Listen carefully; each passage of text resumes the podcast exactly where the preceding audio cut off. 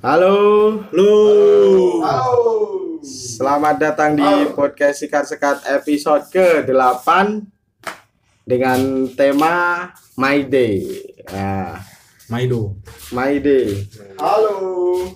Seperti kemarin-kemarin, Corona itu emang benar-benar merubah kebiasaan kita yang sebelumnya harusnya kita melakukan ini jadi tidak melakukan hal tersebut karena ada pembatasan-pembatasan dari karena bukan karena itu ya karena kita ada kemungkinan untuk terpapar dan segala macam itulah ada pembatasan-pembatasan yang menjadikan pertimbangan kita.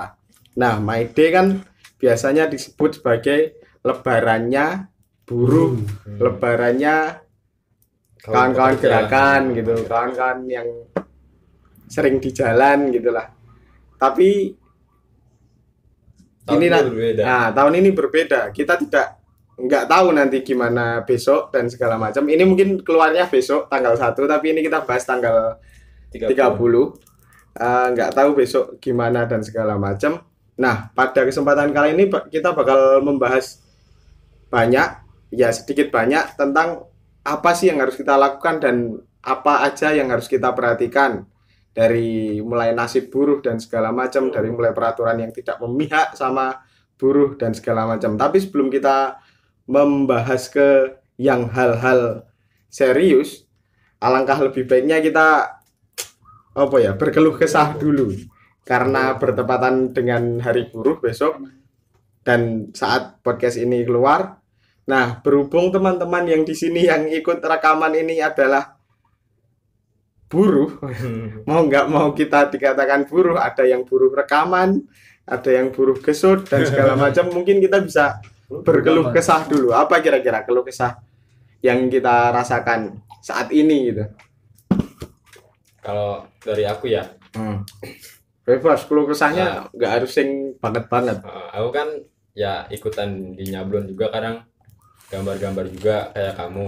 Ah, Keluh kesahnya sih, yo kalau soal kerja kan selama ini kita ya kalau kalau mood kerja ya kerja, kalau enggak ya nanti gitu kan. ah, Nggak ada patokan, nggak ada keharusan gitu. Kita Ah. harus kerja sekarang, pokoknya harus gini-gini enggak. Ya mungkin keluh kesahnya ya itu soal kalau corona ini pesanan sepi, ah, jadi yang pengen kerja juga akhirnya nggak kerja ah. terus kalau dari aku gambar sih ya itu sama juga gara-gara corona ga- gara-gara corona yang pesan-pesan kaos hasil gambarku juga menurun ah. yang yang emang aslinya udah udah sedikit nih yang pesan Hmm. gara-gara corona jadi makin sedikit Nah, gitu begitu. sih Kalau kamu ya sebagai buruh rekaman gitu, sama abut spesisan, piye gitu? Iya, kita ya kalau sebagai kalau aku ya yang, yang banyak kan cuma buruh rekaman. tapi kan kalian juga Iya tetap rekamannya kan tetap keluar tetap itu sih kan eh, jalan resikonya kan tinggi keluar tetap keluar. Cuma ya nggak seperti biasanya yang nggak was-was gitu loh. Paling was-wasnya cuma kecelakaan dipukulin orang. Biasanya Ah, maksudnya cuma was-was atau enggak oh nanti konten ini yang ala- yang kita rekam nanti bakal dilaporin pakai undang-undang ITE. Biasanya kan cuma seperti itu. Ah, sebagai buruh YouTube. Ah. nah, sekarang ketambahan, ketambahan satu. Apalagi kan harus keluar misalnya keluar daerah atau misalnya keluar dari rumah lah. Satu musuh rakyat gitu berarti. Ah, Selain kapitalisme, ah, imperialisme, neoliberalisme, ono neh corona. corona. Tapi yo mau tidak mau harus yang nggak ada rakyat nggak salah ini dengan corona ini. Yang salah ya tetap kapitalisme. Bukan bukan salah bukan salah bukan salah kita atau salah masyarakat ini sebenarnya. Itu sih kalau kesahku. Kalau kesamu piye, Bud, sebagai buruh rekaman, buruh konten, wedi-wedi wedi-wedi apa? metu-metu Harus mengha- menghadapi resiko terpapar. kan?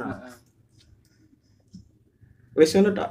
iya Ngono tok. Keluh kesahe selama bekerja ngono kuwi lho.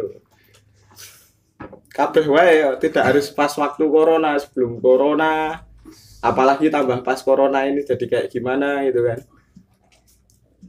yo pas iki yo wedi ya wedi-wedi wi. Mm-mm. Nah, wedi-wedi wani. Mm-mm. karo metu-metu.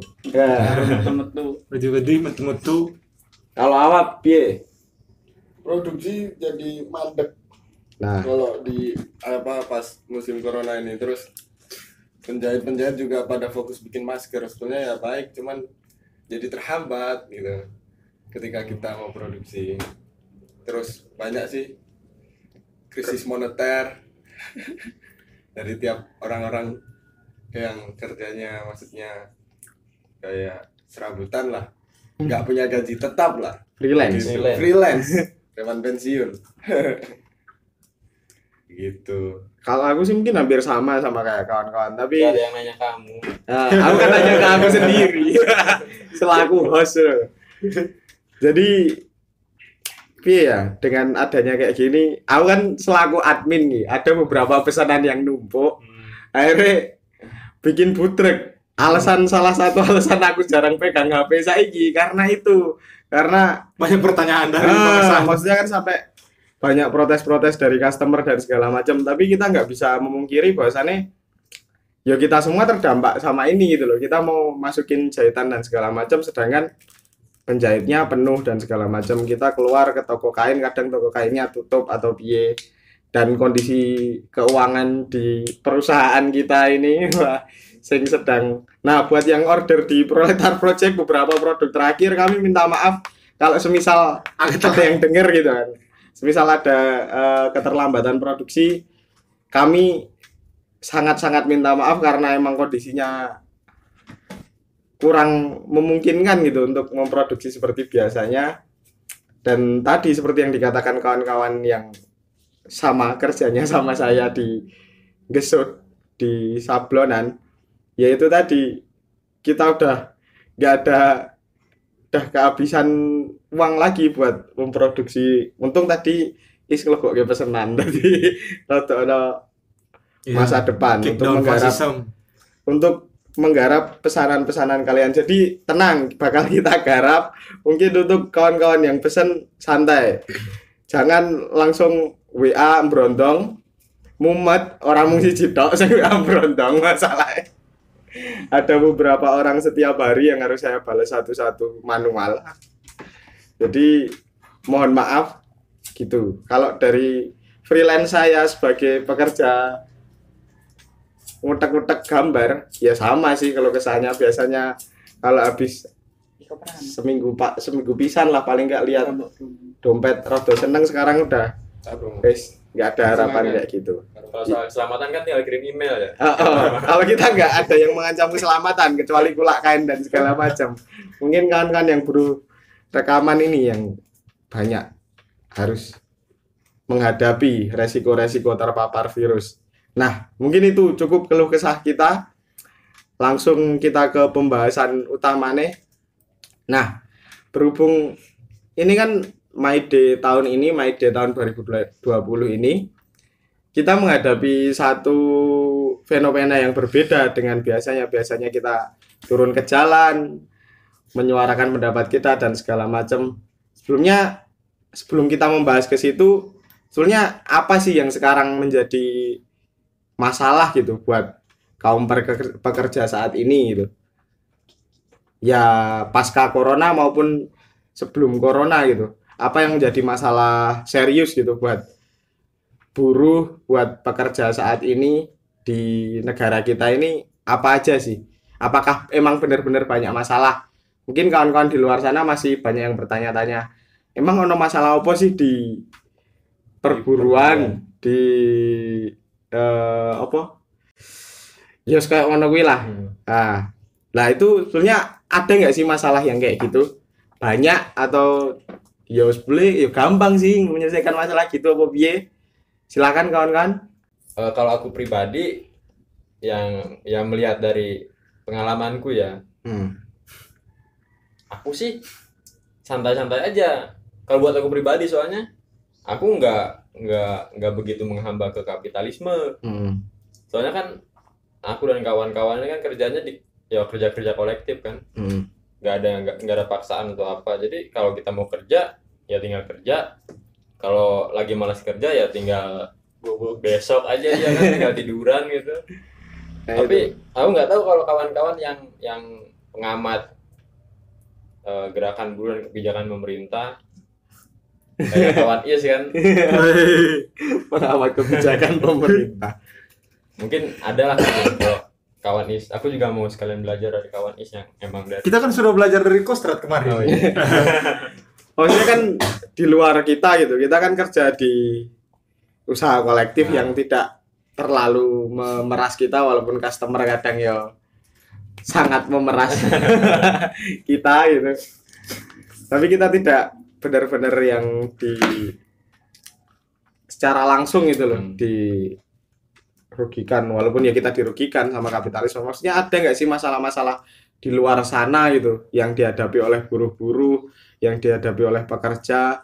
Misalnya peraturan-peraturan yang tidak memihak gitu kan. Ada nggak sih wan kawan Oke, kalau dari aku kebetulan eh, beberapa hari yang lalu ya, ada kebetulan si Kongo kan yang kemarin itu Hmm. dia eh, membawa buruh ya buruh dari Klaten Hmm. yang katanya eh, efek dari pandemi ini ya efek dari pandemi ini eh, mengalami PHK se- sepihak ada sekitar yang pertama gelombang pertama 200 orang buruh-buruh di Klaten yang di PHK lalu kemudian gelombang yang kedua adalah 300 orang jadi ini eh, memang eh, masalah masalah yang sangat serius bagi kawan-kawan eh, buruh terutama yang dirumahkan dengan dahli bahwa eh, produksi tidak ada gitu loh ya Uh, memang uh, ini yang bisa jadi akan memantik krisis. Nah, Hmm. kri- krisis kesehatan atau pandemi ini, krisis kesehatan yang kemudian di uh, dikombinasikan dengan krisis uh, ekonomi, yaitu bisa memantik kekacauan gitu, bisa memantik kekacauan. Nah, uh, cuma uh, apa yang akan kita lakukan ketika krisis kesehatan lalu kemudian di- dipadukan dengan krisis ekonomi? Uh, saat ini apa yang bisa kita lakukan adalah aku pun bingung kalau melihat Indonesia. Masalahnya kan kalau kayak di eh, akhir-akhir ini kan eh, pemberontakan-pemberontakan terjadi kayak di Chili, terus kemudian ada di Hong Kong kan. Nah di Indonesia kita masih sangat, aku ngelihat masih sangat sporadis gitu loh. Hmm. Tidak tidak adanya kekuatan eh, kayak misalnya di negara-negara yang di Australia aja lah yang terdekat ada ada sosialis alternatif. Kalau Iya. di Indonesia kan sama sekali tidak ada. belum ada kekuatan alternatif gitu Iya, masih masih masih ada masih terpecah-pecah bahkan Kongres Gerakan Rakyat yang kemarin yang tahun berapa itu sampai apa masih eh, belum menemukan solusi. Hmm. Jadi untuk saat ini yang aku takutkan eh, ketidakadaan kepemimpinan revolusionerin atau ti- ketidakadaan gerakan revolusionerin yang satu yang tidak eh, yang terkoordinasi dengan baik yaitu malah justru akan dimanfaatkan oleh gerakan ultra kanan misalnya yang Ya. untuk mementingkan kepentingan mereka atau bahkan mereka bisa saja nanti akan ma- malah menyalahkan pekerja-pekerja asing malah jadi ke rasisme gitu kan ya yang seperti yang terjadi di di Amerika misalnya Hmm. yang baru-baru ini malah mereka bilang eh, lockdown itu komunis. ya Nah takutku kalau kita Amerika nanti, nanti lagi di diciduk lagi. Nah kalau kita tidak tidak memanfaatkan situasi ini, eh, itu bisa jadi malah berpeluang bagi ultra kanan gerakan ultra kanan untuk mengambil momentum. Eh, takutku malah akan ult- apa gerakan ultra kanan malah akan mengambil alih ini dengan eh, untuk memasukkan kepentingan mereka atau malah lebih parah lagi negara malah akan semakin mengukuhkan ot- apa ot- otoritasnya semakin eh, merepresi eh, merepresi gerakan rakyat untuk meredam meredam per, apa perlawanan rakyat gitu loh enggak semakin mengukuhkan kekuatannya. Nah, tinggal kita pilih aja karena ya tiga ini ke kemungkinan. Apakah kita akan ambil ambil momentum atau malah kita biarkan gerakan ultra kanan. Nah, ini tidak mungkin kan? Hmm. Gerakan ultra kanan atau bahkan negara mengambil momentum dari krisis kesehatan yang dipadukan dengan krisis ekonomi saat ini. Kalau dari segi peraturan negara sendiri, apakah negara sudah mengatur dengan benar gitu? Gimana hak-hak buruh diatur dengan benar, diberikan dengan benar, atau hanya itu aja sebagai masalah utama gitu? Nah, sebenarnya eh, kita sudah punya undang-undang ketenagakerjaan yang walaupun yang sebenarnya juga masih jauh dari kata mensejahterakan buruh ya. ya, masih jauh dari kata mensejahterakan buruh karena dengan ada undang-undang ketenagakerjaan yang sebelumnya pun eh, negara bahkan masih membiarkan pabrik-pabrik nakal pabrik-pabrik nakal yang eh, mem-PHK secara sepihak lalu ke misalnya outsourcing masih ada seperti itu yang kita temui nah celakanya alih-alih memperbaiki kondisi itu negara malah kemarin walaupun ditunda ya ditunda pembahasan ya. cipta kerja ini kan malah akan membuat eh, hidup buruh semakin sengsara gitu loh dengan adanya RUU Cilaka ini. Jadi sebenarnya ini ini ini juga ini bukan berarti tidak ada masalah dalam segi undang-undang. Malah banyak banget masalahnya. Enggak dalam eh, satu dan lain hal gitu kan. Ada yang memandang bahwasanya ya wajar dong apa perusahaan mem-PHK buruh-buruhnya karena perusahaan tidak punya apa ya istilahnya eh tidak pu, tidak memproduksi lagi karena adanya corona dan segala macam itu ada beberapa orang yang membenarkan hal itu gitu loh. Tapi sebetulnya menurut kalian ini menurut kawan-kawan apa yang seharusnya dilakukan perusahaan gitu kan di eh, kondisi seperti ini terhadap buruh gitu? Wajar ya orang berpandangan seperti itu di tengah masyarakat yang sistem kapitalisme ini sudah bercokol beberapa puluh tahun ya. Jadi mereka selalu menganggap ya kita tidak bisa menyalahkan orang pabrik atau pemilik pabrik. Karena mereka juga kesusahan. Ya itu Ya. karena logika kalau logika seperti itu memang logika yang saat ini banyak berkembang di masyarakat. Karena sistem kepemilikan pribadi tadi. Coba kalau seandainya memikir ada solusi lain gitu bahwa coba bagaimana eh, pabrik-pabrik misalnya kayak pabrik eh, yang sekarang banyak di Indonesia ini coba disosialisasikan gitu loh. Di, memang kebermanfaatnya untuk rakyat misalnya. Ya. tidak tidak tidak untuk kepentingan pribadi. Nah itu sebenarnya solusi gitu loh. Solusi bukan malah menyalahkan eh, jang, eh, bukan malah menganggap bahwa ya buruh nggak usah protes gitu loh nggak usah protes karena memang orang perusahaan juga lagi kesulitan Iya. lah pemilik pabrik akan mampu bertahan bahkan eh, pemilik pemilik pemilik alat produksi mau krisis ini sekitar dua tahun tiga tahun mereka akan mampu bertahan karena mereka sudah menimbun kekayaan sebelumnya Oh iya. kan tapi kalau buruh yang bahkan upah saat ini di Indonesia itu hanya Sebulan cukup aja nggak cukup gitu, paling Ah, dua minggu. ya, hanya cukup untuk cicilan. mereka makan makan ber, eh, makan eh, dan kontrak rumah. kontrak rumah. di ditambah dengan ini mana cukup Nah, udah itu. udah ada krisis kesehatan terus dirumahkan tidak dapat penghasilan mereka mau makan dari mana Ah. Dan berapa ada yang nggak dikasih paksangon Nah, malah. itu Ada. masalahnya itu kan jadi kalau ada yang masih bilang bahwa oh jangan salahkan pemilik pabrik mereka juga kesulitan kesulitan bagaimana apa mereka sudah banyak menimbun menimbun kekayaan mereka sudah banyak merampok kekayaan bahkan sumber daya alam di Hmm. Indonesia mereka Karena- mereka bisa bertahan berapa puluh tahun Karena ini mungkin agak melebar ke sana. Maksudnya beberapa orang menyalahkan yang akhirnya pada pulang ke daerah gara-gara dirumahkan, wah kayak wong goblok ya malah nantang corona nyebar ke corona neng omah. Lah mau ngapain gitu di sana? Mereka udah dirumahkan, nggak dapet pesangon lagi. Di sana juga nggak ada yang buka lowongan kerjaan, mau cari kerjaan di mana lagi, pulang ke kampung dan segala macam. Tapi fenomena seperti itu gimana sih tanggapannya kawan-kawan? Maksudnya kalau menurutku ya mau ngapain lagi di sana gitu loh. Nah memang ya seperti yang aku katakan di awal tadi memang ini eh, watak masyarakat kita hari ini seperti itu. Watak yang memisahkan masyarakat satu dengan yang lain gitu. Saling eh, eh, terane- al- teralienasi gitu loh. Jadi mereka bukan bukannya malah mengkritik sistemnya mereka bahkan bahkan menyalahkan orang misalnya yang di PHK Ah, oke jauh sebelum ada krisis ini misalnya kita pernah dengar misalnya ada orang yang merantau di kota ah, dia dapat pekerjaan di kota terus tiba-tiba di, di PHK dan pulang kampung itu orang selalu oh kamu aja yang goblok tidak mampu bersaing. Nah, padahal se- sepintar apa pun orang itu ke, ke keluar kota mencari pekerjaan namanya namanya masih ada ya eh, kapitalisme iya. masih ada sistem kepemilikan pribadi semua orang punya peluang untuk di PHK Nah. hari ini mungkin dia besok ya kita Nah, Cuman Yang makanya eh, pemikiran-pemikiran seperti itu yang sebenarnya harus dibuang jauh-jauh gitu loh. Bahwa Hmm. the- mau sepintar apa pun kita, mau sehebat apa pun kita, selagi kita, alat-alat produksi itu masih dimiliki oleh segelintir orang, semua orang punya peluang untuk di PHK. Apalagi ditambah dengan krisis kesehatan yang saat ini.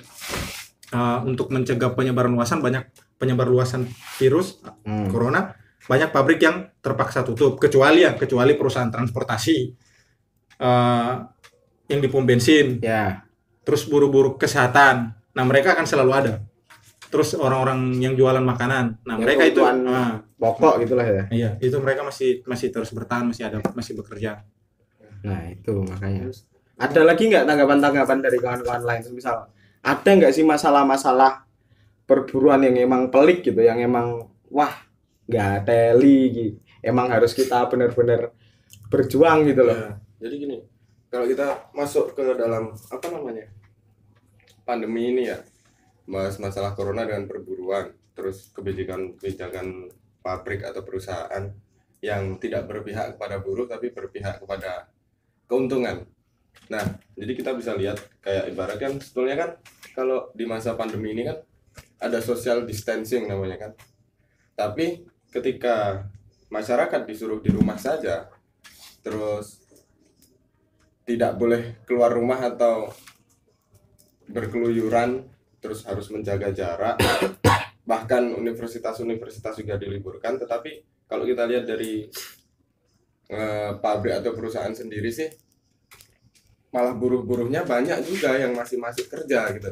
Iya, beberapa Nah, perusahaan-perusahaan ya masih kerja. ketika kita bilang bahwa pemerintah harus me- apa, mengkampanyekan bahwa hashtag di rumah saja saat mengkampanyekan itu dan masyarakat atau rakyatnya harus patuh berarti pemerintah juga harus bertanggung jawab untuk memenuhi kebutuhannya dia kebutuhan masing-masing keluarga itu setiap keluarga yang disuruh di rumah aja itu loh nah masalahnya buruh tidak termasuk dalam yang disuruh di rumah aja Iwo. Iya. Nah, maka dari itu, kenapa kalau ketika dia mengkampanyekan itu, tapi mm, timpang sebelah gitu loh, malah buruh tetap disuruh kerja dan itu dibiarkan saja. Tapi kenapa masyarakat yang lain suruh di rumah aja kan itu? Itu sebuah masalah sebetulnya kan, problem juga. ini menarik juga boleh maksudnya oke perusahaan pasti akan berpikir piye carane aku tetap bisa produksi neng tengah pandemi ini ben podo-podo krisis dengan alasan barang kayak oh iya biar buru-buru ini bisa makan dan segala macam gitu tapi eh, dengan tidak sadar buruh-buruh yang bekerja itu kan di pandemi ini ada peringatan dilarang berkerumun. Sedangkan buruh-buruh ini kerja ya berkerumun dalam satu ruangan sehingga kayak gitu nggak tahu ada yang corona dan segala macam nah otomatis yang harus kita pertanyakan adalah jaminan kesehatan yang diberikan perusahaan kepada buruh-buruh ini. Nah yang pengen aku tanyain ke kawan-kawan ini mungkin ada salah satu kawan-kawan yang tahu jaminan kesehatan dari perusahaan dari pabrik ke buruh itu sekarang kayak gimana sih Mungkin Is Wah, menjawab. Adan kita buka dulu Oh ya, nanti dilanjutkan nanti saja. Buka-buka. Buka dulu.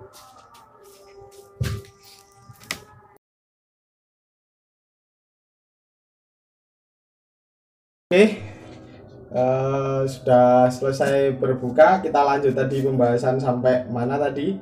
Jaminan kesehatan. Langsung aja ke yang harus kita diskusikan. Apakah perusahaan itu sudah benar-benar memberikan jaminan kesehatan secara benar untuk buruh-buruh di tengah krisis kesehatan saat ini kayak gitu? Menurut kawan-kawan, guys. Sekarang kan berdua, yang lain masih pada buka ini.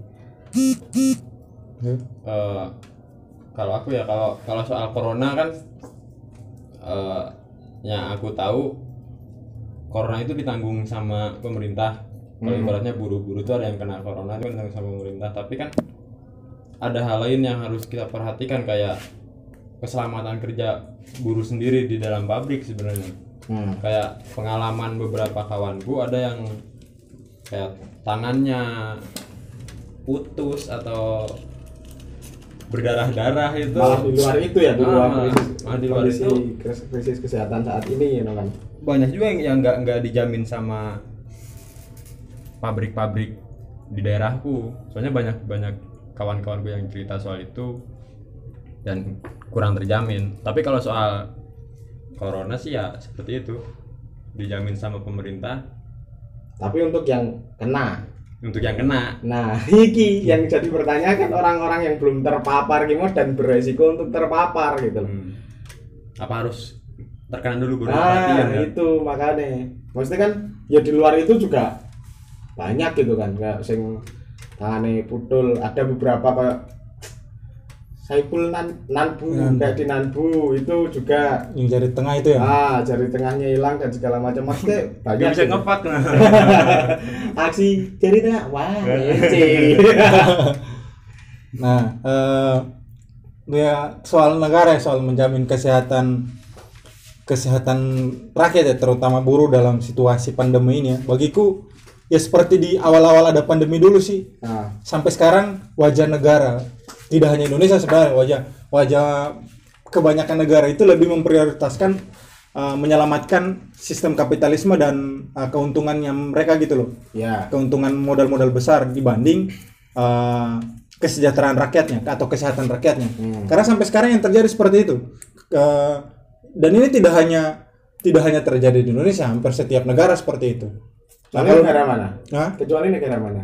Ya ada sih beberapa negara nanti kalau kita sebut-sebut di sini lagi, udah lagi apa gitu kan?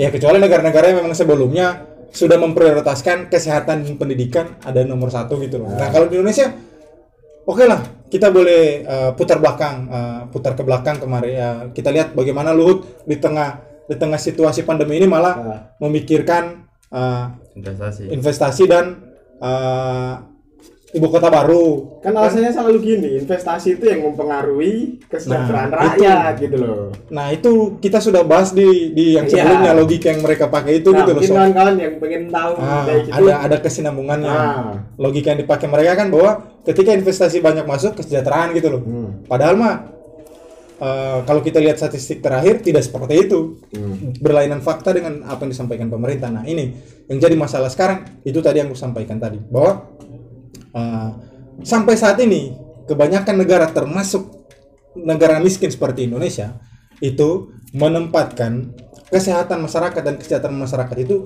di bawah eh, mengamankan sistem Ah, kapitalisme, mengamankan modal-modal besar karena ya bagi mereka ya walaupun krisis eh, jangan sampailah investasi modal-modal besar gitu. ini terhambat.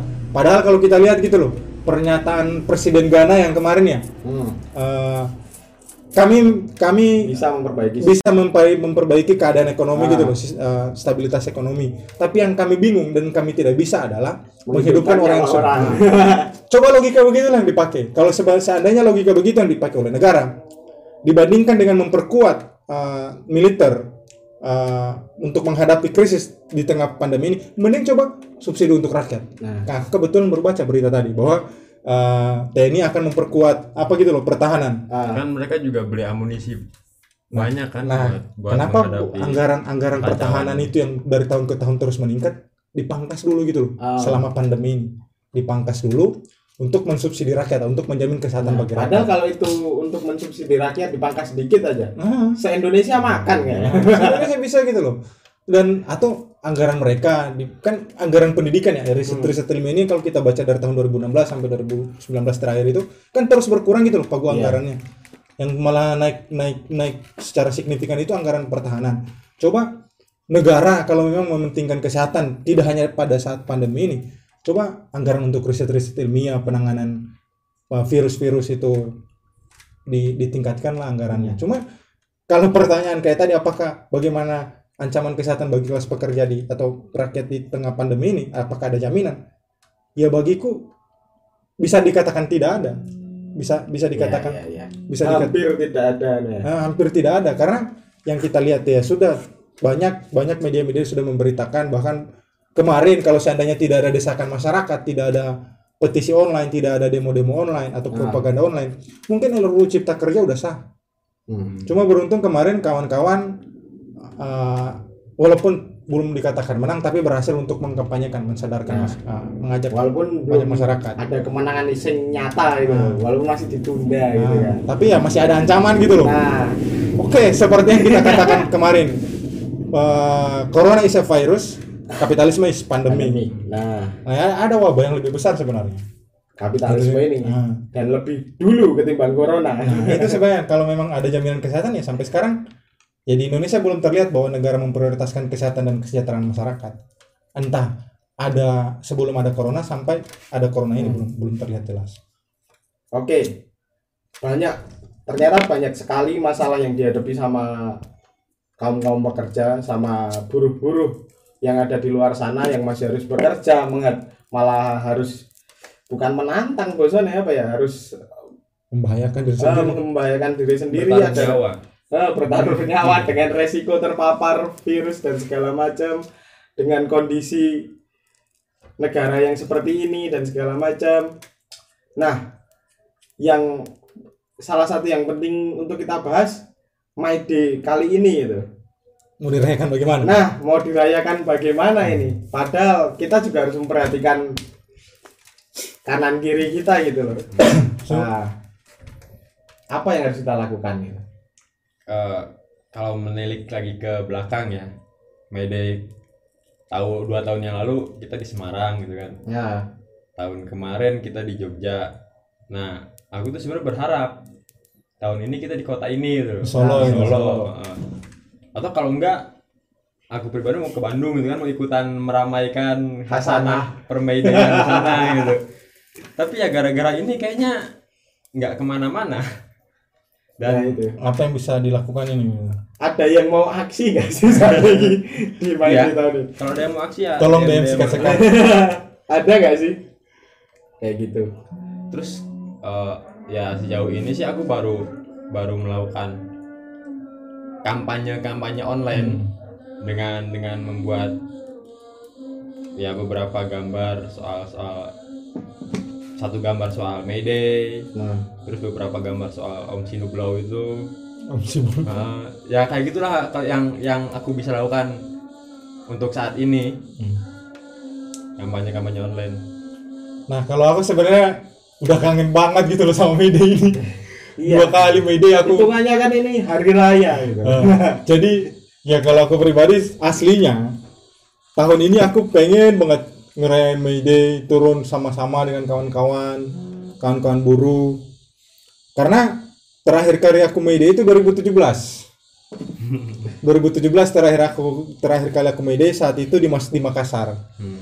waktu itu aku belum di Jawa 2018 aku Maydayan di penjara. 2019 di penjara. 2020 2020 di penjara di rumah.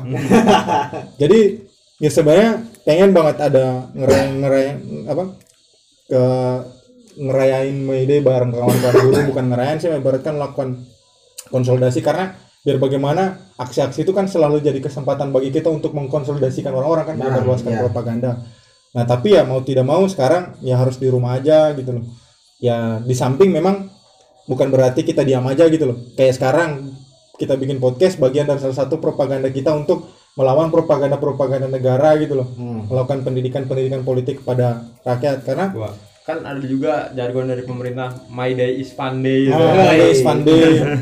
Nah, kita yang bisa kita lakukan saat ini ya, ya mau ya kita jangan jangan sampai berhenti gitu loh. Kita harus mengcounter propaganda apa-apa yang dilakukan oleh negara yang mencoba eh, mendiskreditkan eh, gerakan-gerakan gerakan-gerakan Nah, rakyat itu gitu loh. dengan apa itu? Ya, caranya? misalnya kalau kayak sekarang kalau aku pikir sebenarnya eh, sudah cukup banyak berjalan gitu loh di tengah di rumah aja ini banyak banget diskusi-diskusi online ya. live diskusi baik entah yang menggunakan Jitsi, Zoom, Hmm. terus channel YouTube. Nah sebenarnya ini harus kita lakukan karena eh, intensitas orang memegang smartphone atau menggunakan gadgetnya di rumah itu kalau lihat saat ini memang di lingkaran kita aja meningkat jauh gitu loh. Iya, emang. Nah itu yang harus kita manfaatkan di situasi sekarang bahwa eh, Berarti kampanye-kampanye online Ya. gitu ya. bahwa tugas untuk menyampaikan eh, kayak pendidikan propaganda ya harus kita lakukan di di, di situasi sekarang.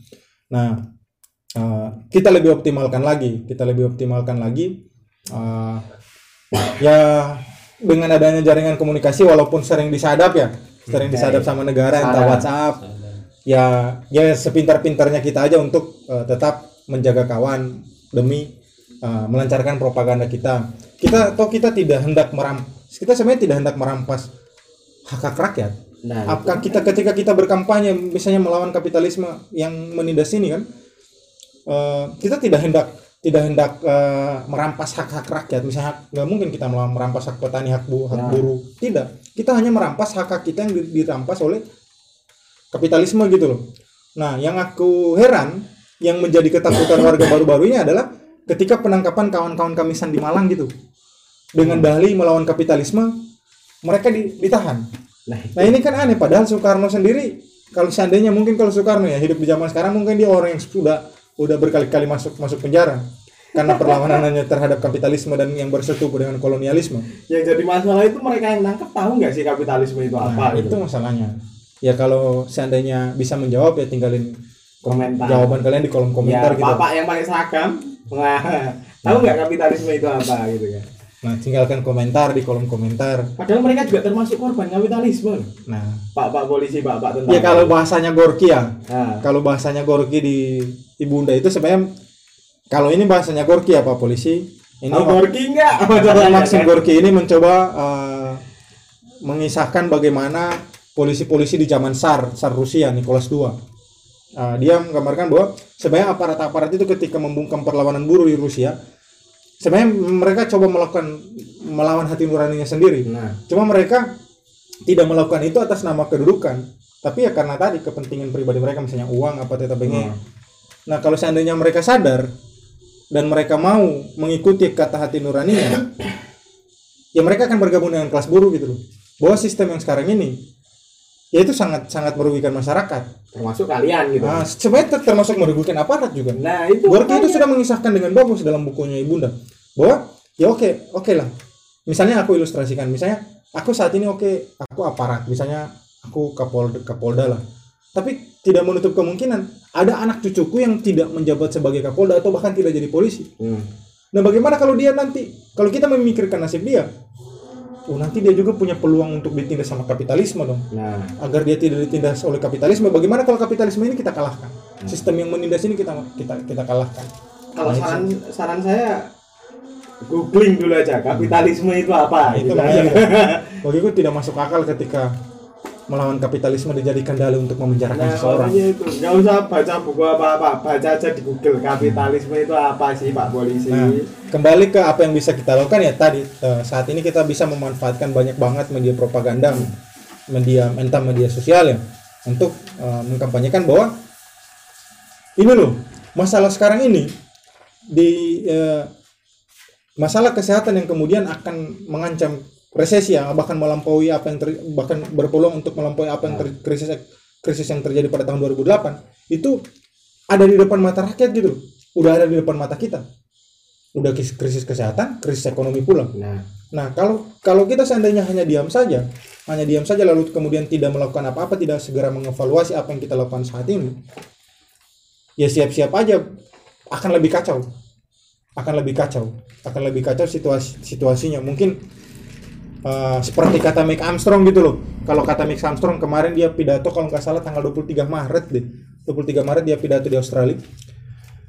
Negara-negara yang berpotensi untuk kekacauannya meningkat tinggi itu hmm.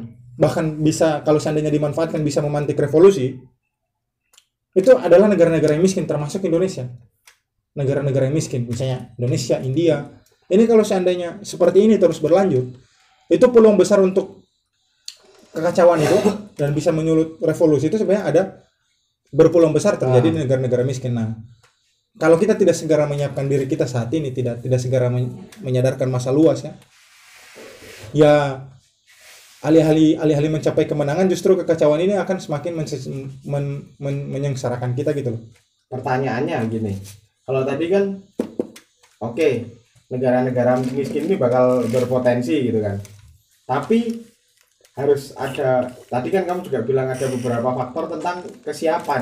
Nah, kita bicarakan ini, apakah Indonesia itu negara yang emang benar-benar siap untuk itu gitu. nah se- sebenarnya kekacauan ini akan terjadi entah kita siap atau tidak ya Nah, kekacauan atau bahkan situasi misalnya yang mendukung untuk melakukan revolusi itu akan terjadi ketika kita siap atau enggak cuma masalahnya ketika kita siap otomatis peluang untuk menang itu terbuka lebar hmm. tapi ketika kita nggak siap ya peluang untuk kalah sangat terbuka lebar Nah, juga pertanyaan Indonesia ini udah siap apa belum? gitu? kalau lihat data yang di Maxland di buku barunya itu Hmm. yang eh, tentang sejarah kelas eh, gerakan buruh di Indonesia sebenarnya eh, jangkauan jangkauan kelas buruh di Indonesia itu hanya 5 juta loh dari total dari total pekerja ada di Indonesia terus eh, ketiadaan ke- eh, ketiadaan gerakan revolusioner yang yang satu gitu loh masih masih terpecah terpecah-pecah jadi kalau aku lihat belum siap belum siap apalagi pengalaman kemarin yang reformasi di korupsi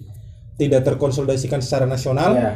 malah akan malah akhirnya buyar begitu aja kan gerakannya. Hmm. Padahal kan kita sudah pernah punya pengalaman misalnya gerakan tahun 74, gerakan-gerakan sebelumnya yang kemudian memicu juga yang KKBKK, gerakan yang cuma terpusat di daerah-daerah Hmm. tapi tidak terkonsolidasikan secara nasional mengalami kekalahan dan itu kita ulangi di tahun 2019 kemarin.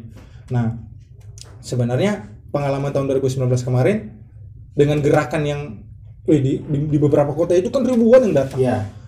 Itu belum belum belum belum belum berhasil melakukan perubahan apa-apa. Padahal di Jakarta juga sampai Hmm. segitu kan. belum berhasil melakukan beru- uh, uh, apa perubahan apa apa. Hmm. Nah ini cukup jadi jadi uh, pelajaran bagi kita bahwa sebenarnya ya kita memang belum siap, tapi mau tidak mau harus segera kita siapkan gitu. loh. Nah, Walaupun tidak siap, tapi ya kita mau tidak mau harus harus segera siap menyiapkan. ra siap disiapke ya. Hmm. Nah, intinya ya. Bud? Kira-kira udah siap belum Indonesia ini untuk menghadapi revolusi menyongsong matahari baru? Woi. Siap belum? Eh, tinggal kondisinya. Kondisi. Cocok. kondisi apa? Kondisi dompet ono duite nek iki. Itu nah.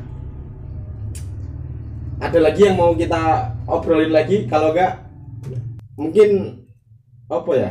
Harapan apa apa sing? Ya ha- kalau ya harapan aja. Besok bagaimana? Nah.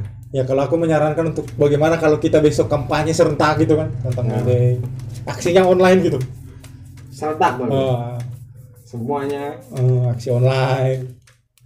kayak gitu. Kan biasa yang aksi online sekarang kan Kamisan ya, Kamisan Jakarta ya, Kamisan online. tuh kalau apa ya bosone ya ya gue mau sih ya harapan harapan apa nih Harapan su, apa kamu? Heeh. harapan menjadi manusia yang lebih baik Dan benar. Hah? Dan benar. dan benar Kalau aku harapannya satu, rakyat tertindas di seluruh Indonesia bersatulah. nah itu apa buat harapannya buat orang harapannya Mati aja berarti. itu terus pesan-pesan terakhir buat kawan-kawan yang di rumah aja apa lagi untuk menghadapi My Day saat ini apa yang harus kita lakukan bareng-bareng gitu Mulai dari su. Mm, pesan-pesan buat kawan-kawan yang di rumah yang sedang mendengarkan kita Hmm, tetap belajar, tetap mempersiapkan diri. Soalnya kan ya untuk menyongsong hari-hari depan yang lebih chaos Hmm. itu sih jangan lupa follow, like, and subscribe. Eh, kalau aku ya kawan-kawan harus tetap mempersiapkan diri. Karena eh, krisis sudah ada di depan mata kita. Krisis kesehatan krisis ekonomi. Yang mau tidak mau ya apakah kita akan membiarkan ini diam, di, diambil alih oleh gerakan ultra kanan yang atau bahkan semakin kacau? Ultramil atau kita sebagai rakyat tertindas mau ngambil alih gitu loh. Hmm. karena ya yang bisa memecahkan masalah rakyat tertindas ya rakyat tertindas itu sendiri. Bukan ada di tangan-tangan burjuis-burjuis itu. Itu sih dari aku. Abud tetap semangat ya. Tetap semangat? Oh ya Rana harapannya tetap semangat Oke kawan-kawan bisa disimpulkan semua dari podcast kali ini ada rotok bersengut tidak seceria podcast pertama sampai karena masalah semua ini yang dibahas Nah, karena emang nggak bisa dipungkiri bahwasannya yang kita bahas ini masalah semua gitu loh. Dan serius masalahnya Hmm. dan nggak mau dibercan mau dibercandain ujung-ujungnya tetap mentok serius nah. Ya kayak gitu bisa disimpulkan sendiri bahwasannya ini masalah yang nggak main-main gitu loh. Dan negara malah main-main. Hmm. kayak gitu.